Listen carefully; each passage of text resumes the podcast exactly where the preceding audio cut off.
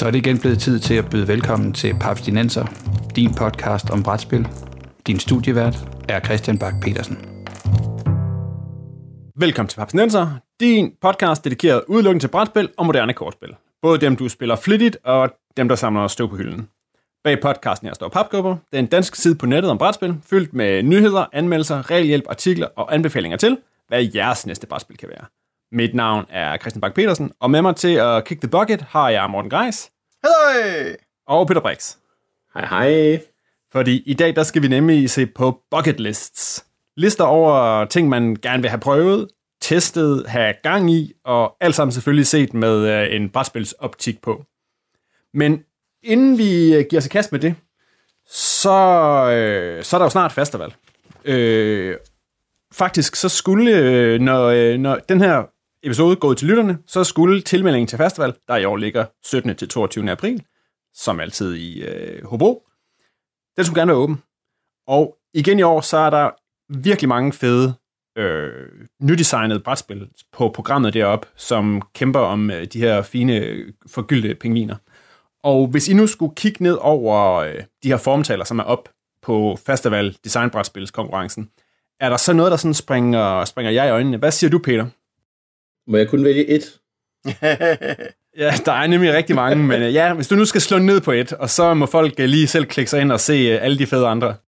Okay, så vil jeg slå ned, jeg vil slå ned på et, og så vil jeg lade være med at vælge et, som du ved, Kasper Lapp, eller af Magic Maze Fame, eller øh, Jeppe Norsker. Fog of Love, eller Jeppe Norsker, eller er nogle, nemlig- nogle af alle, de andre øh, good old boys. Ja, præcis. Øh, jeg, jeg, jeg glæder mig rigtig meget til at prøve øh, Mudita, I- eller hvordan det nu skal udtales, af Mads Fløger eller en kirkeby.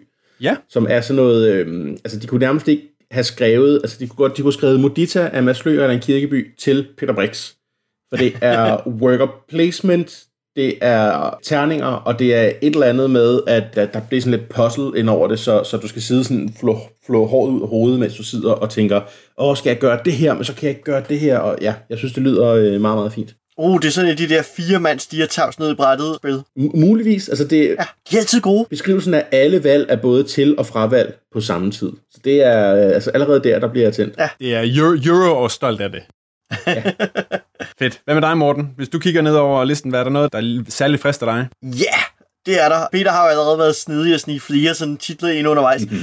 øh, jeg har festet mig ved Uffe Thorsen, som jo jeg primært kender gennem rollespillet, og som er en super flink fyr. Og han har lavet noget, jeg synes er enormt sejt ud af. Det er hans Parasite. Fordi, til dels fordi jeg godt kan lide sådan alien-agtige spil og så videre, og leder altid efter det perfekte alien-spil og sådan nogle ting. Og Parasite har noget af det sådan rent tematisk, men noget af det, jeg synes er interessant, er, at det er et asymmetrisk kortspil, hvor to spillere prøver hver især at overleve i, i sammenstød mellem hinanden. Altså den her parasit versus en højteknologisk rumstation. Men ideen er et eller andet sted, at de godt kan vinde simultant. De kan nærmest godt vinde sammen. På sin vis ligner det, og det er jo så nu bare et gæt eller spe- eller spekulation, men det ligner et eller andet sted sådan en Fuck of Love, The Alien Edition. Hvis Fuck of Love og Not, Not Alone fik et barn. Det er præcis, og det synes jeg lyder enormt spændende og, og virkelig en, en interessant design. Så det er sådan noget, hvor jeg siger, wow, det her, det lyder fedt. Cool. Inden vi gik på her, der overraskede du mig lige og sagde, at et af de andre spil, der er på, det der hedder Flick Race, det var to navne, som jeg ikke umiddelbart kendte. Men så kunne du jo, Morten, fortælle mig, at det er folkene bag det spil, der hedder Det Dårlige Selskab. Jepper. Som jo også må siges at være lidt af, et, uh, lidt af en, en blockbuster, når det kommer til spil herhjemmefra. Ja, Og de har lavet et, det, der virker til at være et knipsespil, så øh, vores faste lytter Tejs, er du klar? Der vil blive knipset på festival i år. måske, kan du, måske kan du lokke Peter med, men som kombinerer knipseriet med, at man de ting, man sætter op, eller de baner, man bygger, og skal knipse sine, sine brækker igennem, altså det er med ting, der er man finder i lokalet, i spillokalet, i området. Det vil sige øh, stole, borer, bøger, linealer, øh, kaffekopper. Og det er jo lidt ligesom, hvad hedder det, shooter, som også er den der danske ting, hvor man bruger de figurer og ting og løber rundt på bord. Splattershoot, tror jeg. Splattershoot, ja, der var det. Det er rigtigt. Som jeg også har set folk spille på festival nogle år, så det synes jeg lyder rigtig spændende, og altid fedt, når der kommer nogle, øh, nogle nye designnavne ind, fordi der er jo både, i år der er der også en, en ordentlig håndfuld nye udenlandske navne med, så det bliver rigtig spændende at se, hvad, hvad folk kan byde på, og hvad designbrætspilskonkurrence på festival giver. Og du må også synes, det er fint, man skal ud og, ud og finde ting og tusser og sådan noget og lave sin bane af. Jeg tænker, jeg tænker påklædningsdukker er, er en ting. Det er rigtigt, det er rigtigt. Det, er, det, er, det er mig med pop, pop, påklædningsdukke rollespillet. Og ja, der bliver folk også sendt ud for at, at finde ting ude i lokalerne. Så ja, lidt, uh, lidt god impro der. Nice. Men som sagt, klik forbi festival. Jeg tror også godt allerede nu, jeg kan love, at Team Papsnenser vil uh, lave måske endda flere podcast-lignende relaterede ting fra festival. Right? Yes. Yep. Cool. Men ellers, så skulle vi jo i dag snakke om bucket lists. Det kan være mange ting, når man snakker brætspil. Det kan være ting, man gerne vil prøve, ting, man gerne vil prøve noget mere. Støvsamlende spil, der skal i spil, eller smides ud. Lange spil, der skal have lov til at leve. Men ting, man gerne vil, eller man har ambitioner om at få i spil. Og Peter, det var dig, der foreslog det her emne. Og hvad står sådan allerøverst på din bucket list? Ja, du siger det, det var mig, der foreslog det. Jeg tror faktisk, det var Morten, der foreslog det? det til sin anden podcast. Men ah. det meget. altså, så starter vi med Morten. Morten, hvad er din? Så kan Peter holde til at sidde med det. Oh, jamen, altså du har været rundt om mange af de forskellige kategorier, hvor jeg tænkte, åh, oh, det her skal jeg have på listen, fordi det her kunne være fedt og så videre. Så jeg har jeg har sat mega siv på toppen, fordi jeg kunne godt tænke mig den der store 18-mands oplevelse, hvor man har de der 10, 12, 20 timer til simpelthen at sætte sig ned og så lige spille alle situationerne. Og det er ikke noget, der er så, så nemt at komme til, i hvert fald ikke, hvis man ikke er et sted som festival, hvor man er samlet med 500-600 andre mennesker, der som har, er enige om, nu bruger vi jo bare hele påsken på at spille spil. Så det er ikke så nemt lige at sætte sådan en op, også fordi så mange stuebrugere kan ikke rigtig håndtere et, et spil af størrelse. Så det er sådan lidt, uh, jeg ved ikke, hvordan der var men, men det er en af de der ting der, hvor jeg sådan, det kunne jeg rigtig godt tænke mig. Og gerne sådan også hvor man når at blive øvet i det. Altså en gang for, for lige så alle er med på, hvordan vi spiller vi det, og så en gang mere for ligesom, hvor vi er rutineret og Morten, hvad, hvad er det, du tænker, at du vil få ud over den her? Altså, du, du er jo en del Classic Civilization ja. i, i din tid. Hvad er det, øh, du tænker virkelig kan, kan ryste op i oplevelsen ved at tilføje gang, gang, gang spiltiden op med, med to og en halv, og tilføje Ja, hvad det gamle, altså, det gamle Siv kører været op til syv, ikke? Jo, Altså nej, det, det øh, hvad skal jeg sige, synes, der er spændende, det er et eller andet sted, at, at få prøvet den nye version med... Så det er simpelthen bare få prøvet den nye version, det har jeg stadig til gode. De har smækket nogle flere teknologier ind, nogle flere ressourcer, og så flere katastrofer, og bare et, et meget, meget, meget større bræt. Og hele den der oplevelse af at spille hen over sådan en enorm strækning, kunne jeg godt tænke mig. Og i virkeligheden kunne det være sjovt også at spille et megasiv type spil på et alternativt kort. Der er jo fans, der har lavet andre verdensdele som, øh, som siv-kort, men du kan downloade det fra Boardgame Geek, husker jeg ret, over Sydamerika, så man spiller sydamerikanske kulturer, civilisationer og sådan noget. Skal vi lige rise op, at, at det klassiske siv foregår jo sådan ned, Civilization, det er jo sådan ned omkring Middelhavet, ikke? Mm. På, på, på syd og nord for Middelhavet. Ja, lige præcis. Og så det nye megasiv, det strækker sig så godt ind over fra det vestligste af Middelhavet, og så hele vejen ind over sådan Bagindien, om man vil. Så det er sådan et, et stort udsnit, det tager, og så spiller man på det. Man spiller jo kun frem fra stenalder til jernalder, det er jo og slet ikke... det, det, det, er jo også mit største minde, ikke det der med, altså man kommer lige frem og finder ud af, hvordan man, man opfinder hjulet, og finder ud af, hvordan man smelter noget metal, og så er spillet slut. Yep. Altså, jeg har jo spillet, jeg har jo spillet overraskende meget Civilization, da jeg var sådan en 15, 14, 15, 16, fordi det var lidt, øh, det var sådan lidt, det var det hotte Avalon Hill-spil, og der var nogle folk, der var ældre, og de ville gerne lige samle syv, så jeg har også siddet gang på gang og blive ramt af famine og alle de der plager, der falder mm, over yes. en. Og, altså, det er jo en, en fascinerende oplevelse, også netop fordi det foregår så langt tilbage, og man kommer jo ikke, altså, når folk snakker Civilization, ikke, så snakker de jo tit om, om computerversionen, ikke? Hvor det altid ja. er sådan noget med, Nå, men så kommer etruskerne, og de har kun, øh, de har kun lige opfundet hjulene og, og, og bronzespyd, og på det tidspunkt, der har jeg atomvåben. Og sådan er brætspillet slet ikke. Nej. Nej, det er jo det. Altså, brætspillet synes jeg er spændende, fordi det følger en, en mere specifik periode, og, og på den måde fungerer bedre, synes jeg også, fordi der er en bedre progression, man sådan teknologisk gennem spillet, man har bedre en fornemmelse af de her kulturer, der vokser frem. Også fordi spillet har et langt større fokus på kultur. Man er ikke en person, man er ikke Gandhi eller Julius Caesar, hvor bizart den er, at, at være dem her, de her personer hen over tusinder. Man er mere en kultur, altså man er en langt mere abstrakt størrelse, og så er der en rigtig stærk form for interaktion, synes jeg, spillet takket være hele handelsfasen, hvor man har den her store fornøjelse af at sidde og handle og bluffe og sende katastrofer frem og tilbage hinanden imellem. Nu skal jeg lige høre, i, i Megasiv kører man sådan lidt ligesom, hvis man kører et meget stort hold, Seven Wonders eller sådan noget, hvor man kører, I kører noget herover, I kører noget herover, eller er der det ved jeg ikke, om hvor meget hvor styr du har på, men fordi ellers 18 spillere, Ja. jeg håber ikke, man tager en tur ad gangen. Nej, det gør jo ikke engang med syvmandsspillet, fordi at mange træk i spillet kan gøres simultant. Ofte kigger man ned og siger, okay, hvis der er to spillere, der ikke grænser op til hinanden, så kan de ofte tage deres movement-træk og ekspansionstræk samtidig, fordi I kommer ikke til at stå ind i hinanden, fint nok, I kan bare tage jeres ture simultant. Og så kigger man så at sige kun på spillere, der stod ind i hinanden, og siger, okay, her tager vi det så i initiativorden, fordi der betyder det noget hinanden imellem, hvad, hvad orden ting bliver gjort i. Og det gør du også ved 18-mandsspillet. Der bliver du næsten altså endnu nemmere at gøre i 18-mandsspillet, at sige, okay, spanier og kinesere, I kan godt tage jeres tur samtidig. Aha. Hvad så, Peter? Er du fristet? Jamen, altså, det, er det sjove er jo, at, at noget af det, der ligger øverst på min bucket list, smager så meget af det der, at det næsten er det samme. jeg, jeg, jeg, jeg vil jo i virkeligheden, jeg har en drøm om at spille et af de her, det kunne godt være mega siv, men, men altså et af de her mega games, om det skal være et krigsspil, der tager en hel weekend med Game Master, og man ikke må snakke med hinanden mellem turene, eller om det skal være øh, mega siv, øh, det er fuldstændig meget. Mm. Jeg kunne bare virkelig godt tænke mig at spille et af de her enorme, enorme spil. Jeg ved, vi har nogle venner, der spiller, er det Flat Top? Ja. Jeg godt kunne tænke mig at prøve en gang. Sådan et, et eller andet af de der megaspil. Jeg tror, jeg er ikke sikker på, at jeg ville synes, det var fedt hele weekenden. men men jeg, jeg kunne virkelig godt tænke mig at prøve det. Ja. Det, det, det er sådan en helt anden verden, end, end, end nu sætter vi os lige ned og når øh, fire brætspil på, på en aften. Ja, det minder mig også om de gamle dage på både Faster og Vikingcon, hvor man kunne spille uh, Live Diplomacy, Ja, som var jo et eller andet sted det her enorme forhandlingsspil, hvor du havde de gode spillerne er jo alle sammen op i nogle hold, og de hold planlagde så internt, hvad de ville gøre af teknologiske landudviklinger, øh, eller udviklinger, hvordan de ville manøvrere deres tropper rundt på det store fælles bræt, og så indleverede man sine træk til Game Masterne, så, som ligesom beregnede og udregnede og tog drog konsekvenserne af det, og det gjorde også, at det var meget løse regler, der var i de spil, fordi man jo sagde, øh, spillede jo altid godt til dommer og sige, okay, i denne her verden her har vi ligesom etableret, at teknologi fungerer sådan her, eller magi fungerer sådan her, så kunne vi godt tænke os at udvikle noget af det her, eller vi vil godt have en stor tunnelgravende krigsmaskine. Hvordan gør vi det? Og så vil Game Master sætte sig ned og sige, okay, en kæmpe stor tunnelgravende krigsmaskine, det jo kræver så, så mange ressourcer, og så vil spillerne gå i gang med at sige, okay, så skal vi ud og handle med nogen, fordi så skal vi have så så mange tons stål. Og så vil man jo gå i gang med at forhandle med de andre grupper og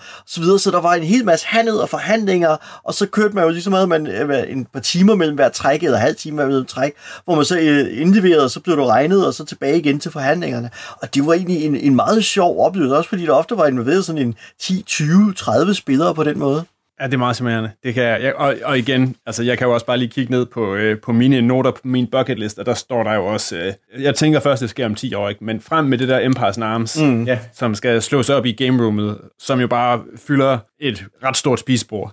Og med tyndt pap og masser af små papstykker, og så er der ellers bare øh, det osmaniske rige, og hvordan forholder de sig, når nu Napoleon og Lord Nelson, de går i clinch, og kan man få sejlet sin... Hvem kommer først over og får bombet København og stjålet den, den danske flåde på 50 skibe og trukket den med ud? Altså, de der sådan et rigtig 100 timers spil, hvor man spiller ja, Napoleons krigene i en en-til-en, det kunne jeg altså virkelig godt tænke mig. Altså igen, det kræver lige, at man har en 6-7 mand, der gider det on a regular basis, men uh, goddammit, det, uh, det kunne være fedt. Yep. En af de andre ting, jeg har på mit, det er sådan noget, som også er sådan lidt kampagneagtigt, og det er jo måske sådan i retning af sådan noget med nogle, noget sportsspil. For der kunne jeg virkelig godt tænke mig, det her spiller også ind der med, at man, jeg, gerne vil, jeg vil gerne spille nogle af de spil, jeg godt kan lide lidt oftere. Der vil jeg jo godt tænke mig at køre sådan noget kampagneagtigt. Om det så skulle være i Blood Bowl Team Manager, eller det skulle være noget flamrouge, hvor man lige øh, høvler alle forårsklassikerne igennem på, øh, på forskellige underlag. Det kunne jeg godt se. Men det der med at køre noget turneringværk, og det kunne jo godt være sådan nogle spil, hvor man kun kører, altså man godt mødes og så tager en runde flamrouge, og så spille noget andet på en aften. Men på en eller anden måde med, hvor der blev scoret point mellem, mellem spilaftenerne. Sådan en form for ligaspil nærmest. Ja, lige præcis. Og jeg kender jo folk, der har gjort det way back, i hvert fald med, med Formula 2, mm. hvor de har så simpelthen kørt en uh, Formel 1-sæson igennem, og simpelthen score og sige, jamen en første point, præmie, eller en første plads i den her, det giver, og så kan man lave noget regnskab, når, når alle tingene er kørt igennem. Det synes jeg kunne være ret sjovt, faktisk. Så det er jo også lidt kampagneagtigt og noget. Men igen, det kræver en eller anden stabilitet. Det kræver, at, at, at man ikke har så utrolig mange gode spil, som man også gerne vil spille, og altid skal ud og luftes. Men det der med sådan at lave sådan et, og et flamrus, der tænker jeg, det kører så hurtigt, at der kunne man godt øh, flette det ind som en, en åbner hen over et par måneder, og så komme igennem en del af, af de mange øh, varierede baner, der faktisk er i det spil. Så alternativt, Christian, så skulle du faktisk næsten kigge på Charterstone. Ja, fortæl. Altså, det er jo så overhovedet ikke et sportsspil, på nogen måde. Mm. Men, men uh, Eurogame Worker Placement spil Legacy, lavet Stonemaier Games, kom ud sidste år, tror jeg. Det er rigtigt. Jeg så godt, der var faktisk nogle af mine venner, der snakkede om det, som sagde, det var, at det, det fungerede virkelig fint. Det, det er rigtig, rigtig fint. Jeg er selv, har vi spillet 6 eller 8 ud af de 12 spil. Ja. Og det er så, altså, vi, vi sidder og, og holder score på, altså man, man, det, det er en del af spillet, man holder score på, hvem der vinder hver spil, og dem, der ikke vinder, får nogle bonusser, så de kan prøve at vinde næste gang, og min ven David, han vinder tre fjerdedel af spillene. Jeg tror, han, jeg tror, vi andre har vundet et eller to spil. Jeg tror, vi andre har vundet et spil hver, og så har han vundet de resterende fem ud af otte. Okay. Så, men til allersidst, så får man point på en eller anden måde, som vi ikke ved noget om endnu, hvordan det er, men der ligesom tæller, tæller hele spillet sammen. Som er baseret på, hvad der er sket tidligere. Som er baseret på, hvad der er sket gennem spillet. Ah, fedt. Med, med, med forskellige powers mellem hver spil og sådan noget. Det er, jeg, jeg hygger mig rigtig meget med det. Det er sådan lidt, lidt, lidt laid back worker placement, og man kan sagtens tage to, to spil på en eftermiddag. Det er det, vi har gjort. Taget to spil af det, spist aftensmad, og så øh, spillet den andet om aftenen. Okay. Og der er noget i forhold til, synes jeg, der er nogen, der skal noget med, altså, skal man være, i forhold til spillerantal, var der ikke, er der noget med, at det er federe, hvis man skal helst være fire, som så er der fast? Eller kan man, er der måske endda noget med nogle dummy-ting i, hvis man spiller fast? Der er noget med nogle dummy-spillere. Okay. Man kan være op til seks spillere i spillet. Okay. Vi er så fire. Der er ligesom en regel, der siger, at det er simpelthen total basic. Hvis, hvis, der, hvis, hvis der er nogle områder i den by, man bygger sammen, der ikke har en øh, spiller, så gør du en fast ting hvert spil. Det er ligesom, bum, sætte klistermærke på brættet, eller hvad det nu er. Ja. Og udover det, så er der også nogle, hvad er det, det hedder, Aut- automa, eller hvad er det, de kalder dem, regler. Ja, automaton, ja. Så ligesom giver, giver de spillere, der ikke, der ikke eksisterer, en, en, en AI, de ligesom kører efter. Okay, Det har vi ikke gjort. Det synes vi er for meget bookkeeping til os. okay. Men øhm, det fungerer også fint uden. Fedt. Cool. Charterstone er hermed skrevet på min bucket list, som, øh, til, øh, eller i hvert fald til, Ja. på, på ønskelisten i hvert fald. Ja, nu bragte du så kampagne på spil. Det er også noget, det jeg har på min liste. Det er at kunne spille den store kampagne, hvor man har sådan, hvad skal jeg sige, mission efter mission osv. kommer kom sammen. Jeg tænker jo naturligvis på Space Hulk, fordi at øh, udover Space Hulk kan spille enkeltstående scenarier, og Space Hulk er jo et af de her sådan, mange øh, Warhammer 40k-spil, hvor to spillere op imod hinanden, den ene har nogle Terminator, den anden har nogle Jeans-dealer, så vader de rundt i trange gange i et rumskib, og man prøver at opnå- opnå forskellige missionsmål, og det er så et asymmetrisk strategispil, som vi har name-droppet nogle gange jævnligt, fordi det er en af mine sådan, favoritter, øh, eller nostalgiske referencer. Jeg tror, det blev nævnt i allerførste afsnit af, af Papstinenser, så ja. Jeps. Det, sjove, det sjove er, Morten, det spiller også på min bucket list. Ah, men der er campaign mode til Space Hulk, hvor man kan bygge op til multiplayer, og man har point buy til at købe forskellige hold, og så sætter man op, og hvor konsekvenserne i en mission påvirker den næste, fordi man ligesom, hvad skal jeg sige, bygger op, man har de her team af soldater, som man kan bygge over det næste hold, og dem, der overlever, betyder noget for, hvad man har i senere ressourcer og sådan nogle ting. Og der er lavet forskelligt, alt fra missionsgeneratorer til allerede, så at sige, prædesignede kampagner. Dem kunne jeg godt tænke mig, altså gerne sådan op på lidt større skala, hvor man eventuelt tager de mange variantregler med, så man både har Chaos Terminators, Regular Terminators og Orker, Mariner og Gene Stealer, Tyrannider, og ligesom kører den store, avancerede kampagne med flere fraktioner. Det er sådan en af de der sådan, åh, oh, det kunne være fedt at have sådan en stor kampagne kørende. Jeg aner ikke, hvordan jeg skal finde tid og alt sådan noget til det, men, uh, men det, det er sådan en af de der ting, jeg går og drømmer og siger, det kunne være sejt. Drømmen lever. Ja. Fedt. Jamen, det kan, det, kan jeg også, det kan jeg virkelig godt forstå. Altså, om ikke andet, man kan altid, jeg kan jo tænke tilbage på, hvor mange gange jeg har spillet kampagnen i det klassiske Hero Quest igennem, da jeg var teenager. Oh, nice. Der er jo også scenarier, og man følger med, og man får mere udstyr, og det hele undervejs, og det var så vildt, når man var 12-13 år. Peter, du sagde, øh, inden øh, Morten blev grebet af, af sp- The Space Hulk Bug, hvad, så nævnte du noget med noget bord. Er det også på din bucket list? Jamen, det er, det er det lidt. Altså, jeg kunne virkelig godt tænke mig at have sådan et af de der ekstremt pimpede 40.000 kroners brætspilsbord med, med, med nedsænket øh, midte og kopholder og filt og lys og lyd og hele svineriet. Jeg kommer aldrig til det. Men, men hvis jeg nu en dag vandt 40 millioner i lotto, så kunne jeg godt bruge, så kunne jeg virkelig godt tænke sådan 40.000 en bord. Altså, på. jeg, synes, jeg synes, de er så fede, og jeg synes, de er så ligegyldige. Altså, på, på samme tid, ikke? Det er sådan noget, det er sådan noget blær for at have blær. Jamen, det er rigtigt. Jeg kan, godt, øh, jeg kan også godt følge det. Jeg tror, jeg er lidt mere til modellen, hvor man simpelthen har spilleplader hejst op i loftet, så man så via et øh, snore eller kædesystem kan sænke ned, så man kan have flere spilstående klar på én gang osv. En af mine kammerater fra dengang jeg gik i folkeskolen, han havde øh, i sit barndomshjem, øh, hvor de boede på en kæmpe stor ombygget gård, der havde han faktisk sådan et hæve-sænket spilleplade nemlig, hvor man så simpelthen kunne fyre, øh, sænke det ned op fra loftet af, eller op under loftet, så ned i øh, bordhøjde. Det er også rimelig vildt. Det var så også nogen, der havde indendørs swimmingpool og ridebane nede bag ved haven. De, de havde lidt større hjem, end de fleste af os har. Det lyder sådan. Jeg vil sige, jeg vil sige, jeg har lige været øh, i festival sammenhæng, der har jeg været ude og, og spille til det scenarie, jeg er med på festival. Og ude hos, hos Mortens, som en anden Morten, så så jeg så godt, at hans bord, det så sådan lidt hjemmelavet ud, og jeg har ikke været derude øh, før faktisk at besøge ham der, hvor han bor nu. Og så var der også, jeg kunne se, bordet det så sådan meget sådan hjemmehacket ud, og det fungerede fint, og det ene og det andet. Men så var der også bagefter, at han lige viste mig, hvordan man kunne løfte inderpladen op, og så var der simpelthen en LED-computerskærm nede i bunden, hvor de kunne lægge battle maps, hive dem frem på computer og sådan noget, så der var ledninger til computer ind i bordet, når de spillede D&D og skulle øh, rende rundt og rykke på deres øh, femfodfelter. og og over bagved, så var der så også øh, Game Master-skærmen, hvor der også var bygget en skærm ind foran, så øh, Game Master han kunne sidde og klikke nye billeder på, hvis han skulle vise noget, så var det på forsiden af skærmen ud mod spillerne. Det var mega sejt. Wow. Det er blære. Så, så Peter, du skal måske bare i gang med en høvl og øh, en sav. Og så få mig øh, måske, måske, måske bytte otte af mine tommelfingre ud med, med almindelige fingre, så kan det være, jeg er der. Okay. Jeg tænker sådan et, øh, et aftenskolekursus for brætspillere, ikke? Ikke i brætspil, men i at lave brætspilsspore.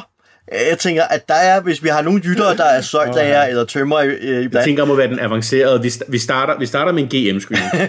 ja, men jeg kunne se et, et storslået aftenskolekursus. Snit en kopholder. Ja, lige præcis. oh, ja, hvis man nu havde børn i en rigtig alder, der havde søjt undervisning, bare stik dem det med som lektie og sige, du skal bede din søjtlager op og sige, det er det her, du gerne vil lave. Jeg vil sige, min, min ældste søn har sløjt, og jeg sværger, at han kommer ikke til at snitte mig et, øh, et spillerbord overhovedet. Bare en kopholder, bare en Det kopholder. bliver, lige det bliver en, en, en, ah, det bliver en splintet oplevelse, det kan jeg godt love. Han er, han er markant mere til Keyforge, end han er til, til træsløjt. Lidt ligesom sin far. Lyder bekendt. Ja, okay. Nå, øhm, Morten, har du nogle andre ting, som sådan står og skriger på din øh, bucket list? Du sagde, at den, øh, du, den var jo lang, Ja, yeah, og nu øh, vi lapper jo pænt ind over hinanden, det må man sige. Jeg har GMT-spil, eller krigsspil generelt. Det er et område af spil, jeg ikke får spillet særlig meget, eller alt for lidt. Og mange af dem kræver gerne, at man har tid til at spille med en en gang, og gerne at man har tid til også at spille kampagner. Ikke? Der er jo, øh, du var selv lidt inde på de der med at spille de her sådan, enorme krigsspilsting, som Empires and Arms. Altså jeg kunne godt tænke mig at dykke mere ned i Falling Sky og Pentagon og andre sådan coinspil fra GMT for eksempel. Også fordi, når jeg kigger på nogle af der spil, ikke, de har lige lavet udvidelsen til Talon, den hedder Talon 1000, hvor det er sådan, nu har vi en missionsgenerator, den kan lave 1000 forskellige missioner, og har sådan lidt, hvordan fiden skal jeg nogensinde få brugt 1000 forskellige missioner, altså, you know, Jeg, vil sige, jeg, er det. jeg, er ikke engang, jeg er ikke engang igennem de, de 18 missioner i, uh, i Memoir 44 grundbogen, vel? Mm. Så, så ja, så, så, så sådan nogle ting der, ikke? At kunne prøve at dykke ned og, og spille de der sådan, forskellige historiske krigsspil og få prøvet varianterne og sådan kørt hele sådan scenarier eller kampagner igennem af den art, det, det kunne jeg rigtig godt tænke mig også. Ja, og men de der, de der GMT og, og, og særligt coin den har også virkelig fristet. Der er nogle af de der moderne nogen, med lidt mere moderne krigsspil, som bare ser virkelig fede ud. Også det der med, der...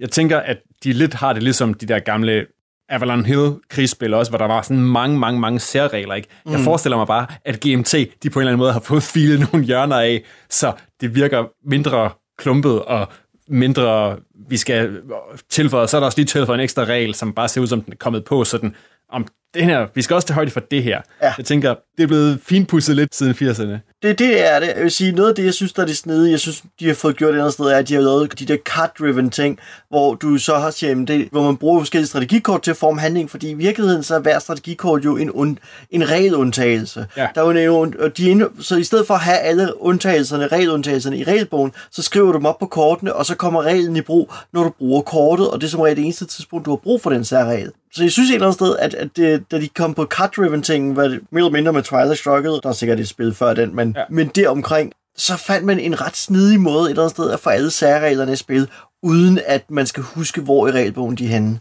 Ja, det er faktisk en, øh, det er en meget god pointe, at det, det fungerer ret uh, skarpt.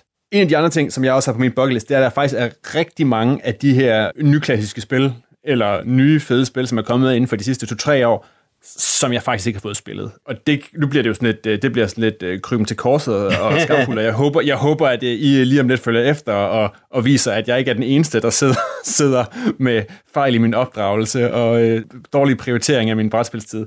Men altså for eksempel, vi har, vi har jævnligt kommet forbi den, men jeg har stadig ikke spillet Azul. Det er rigtigt, det har du ikke, nej. Det er, uh. Jeg har heller ikke spillet hverken King eller Queen Domino, som jo også er mm. sådan nogle fine, nemme spil, som alle, enhver brætspiller med lidt respekt for sig selv, bør, bør have i hvert fald have, have været igennem og, og kunne forholde sig til. Altså, jeg ved godt, hvad det handler om. Jeg har jo læst op på dem på en andet, men jeg har ikke fået dem spillet. Mm. Er der nogen har I noget, der hæng, nogle hængepartier? Ja, altså... Jo, jo, jeg har, øh, jeg har i hvert fald også hængepartier af den art, som jeg altid jeg synes er sådan kapløb med at få indhentet. Jeg mangler at få spillet Raiders of the North Sea, jeg mangler at få spillet den nye, og det hedder, go, øh, hvad nu det hedder, Century-spillet. Nu er der jo annonceret endnu et, et Century-spil, ikke? Så, det er sådan, så der er jo to Century-spil, jeg lige nu mangler at få spillet. Så, så jo, øh, jeg kan godt få øje på, at der hele tiden er nogle af de der, fordi at nu fik jeg endelig spillet Architects of West Kingdom, men jeg mangler stadig få spillet Raiders of the North Sea, at, at det bliver bare ved med hele tiden at komme, den der type spil. Man skal også lige spille det her, man skal også lige spille det her. Øh, for mig er listen simpelthen bare for lang til, at det kan nås på nogen fornuftig måde. Ja. Hvad med dig, Peter? Du sidder, du sidder med alle de her spil hver eneste dag. Ja, det gør Morten selvfølgelig. ja, selvfølgelig. Men hvad, Peter, hvad, hvad, hvad, hvad, hvad, når du kigger rundt og siger, siger åh oh ja, det er alligevel bare blevet skubbet bag på bag, bag to-do, to-play-listen. Ja, altså hvad skal jeg sige? Jeg har trods alt den fordel, at, at hvis jeg spiller oversat til dansk, så har jeg formentlig prøvet det, hvis det er blevet oversat inden for de sidste 3-4 år, fordi det er ligesom en del af mit arbejde. Og også spil, sørger jeg så også for at spille uden, uden om arbejde. Ikke? Altså The Mind ja. og King Domino, Flamme Rouge, alle dem der. Så jeg, jeg er mere over i, i, i de her ting, som Morten også nævner. Altså hele Renegades, Architects of the Raiders of the... Hele de der... Ja. Alle de der spil har jeg kigget længselsfuldt på og konstateret, at der er mange af dem, og der bliver ved med at komme udvidelser, og jeg kan slet ikke overskue dem. Men, men altså, Morten, hvor mange spil er det, du får, du får ned i din butik på et år? Uff, ja, altså det er jo, der kommer jo over 700 spil ind om året, ikke? Altså det, ja. altså hvis jeg skulle... Så der, jeg, jeg, har ligesom, jeg har ligesom erkendt, at der må jeg bare give op. ja. ja. Der er ikke timer nok i døgnet. Nej. Ej. Jeg vil, jeg vil gerne spille Gloomhaven, jeg vil gerne spille Kingdom, Death Monster, jeg vil gerne spille Seventh Continent. Altså de der store Kickstarter-spil vil jeg gerne prøve. Det er nok mere der, jeg har mine, mm. mine, mine helt store blank spots. Okay. Ja. Men du har, du har et Seven Continent på vej, ikke? Nej. Nej? Nej? Jeg bagede den kun for en dollar, og jeg hoppede ikke på en pledge manager. Nej, du hoppede ah, ikke på. Ej, det troede jeg faktisk, du havde. Ah. Ja, nej, jeg, øh, jeg, I, I chickened out, man. Inden for et dollar, inden for et pledge. Du kiggede ind i dig selv og sagde, det her spil, det vil bare stå og samle støv. Ja, præcis. Skubbe andre spil bag sig. Og, og konstaterede, at jeg har rigtig mange venner, der har det, så jeg kan nok låne det på et tidspunkt om en to-tre år, når de er færdige. det er sådan, det er. Men så tror jeg også, at vi med denne fremsynede ting, hvad Peter skal spille om 2-3 år, hvad Christian skal spille om 10 år, når hans børn flytter hjemmefra, så har vi nået til slutningen af den her episode om bucket lists. Du kan finde øh, links til de spil, vi har rundet her i episoden på papscore.dk-podcast, eller direkte ind på papsnenser.dk, hvor du også kan finde alle vores tidligere episoder. Vi vil meget gerne høre om jeres bucket list. Hvad er på to-do? Hvad ligger øverst? Hvad vil I virkelig gerne? Og hvad ligger 10 år i fremtiden? Det kan I dele med os inde på Papskubbers øh, Facebook-side. I kan også øh, tjekke vores øh, side på tier, hvor man kan støtte podcasten med en tier eller et andet beløb per episode, hvis man har lyst. Og stor tak til jer, der allerede er gået ombord. Jeg vil godt love, at vi snart, og i hvert fald på festival, kan vise, hvad bidragene blandt andet skal gå til. Og så selvfølgelig, apropos festival, husk at klikke forbi, husk at melde jer til.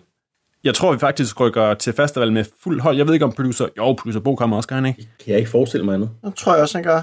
Nej, det tror jeg også. Og der kommer til at være, der kommer til at være rigtig gang i podcasteriet på festival, så det kan I godt glæde jer til. Og kom endelig forbi. Og det var vist alt for den gang. Sammen med mig i studiet i dag var Peter Brix og Morten Greis. Papsnenser er produceret af Bo Jørgensen og Christian Beckmann. Jeg hedder Christian Bak petersen og på vegne af Papsnenser siger jeg held og lykke med at få væltet spændende på jeres lister.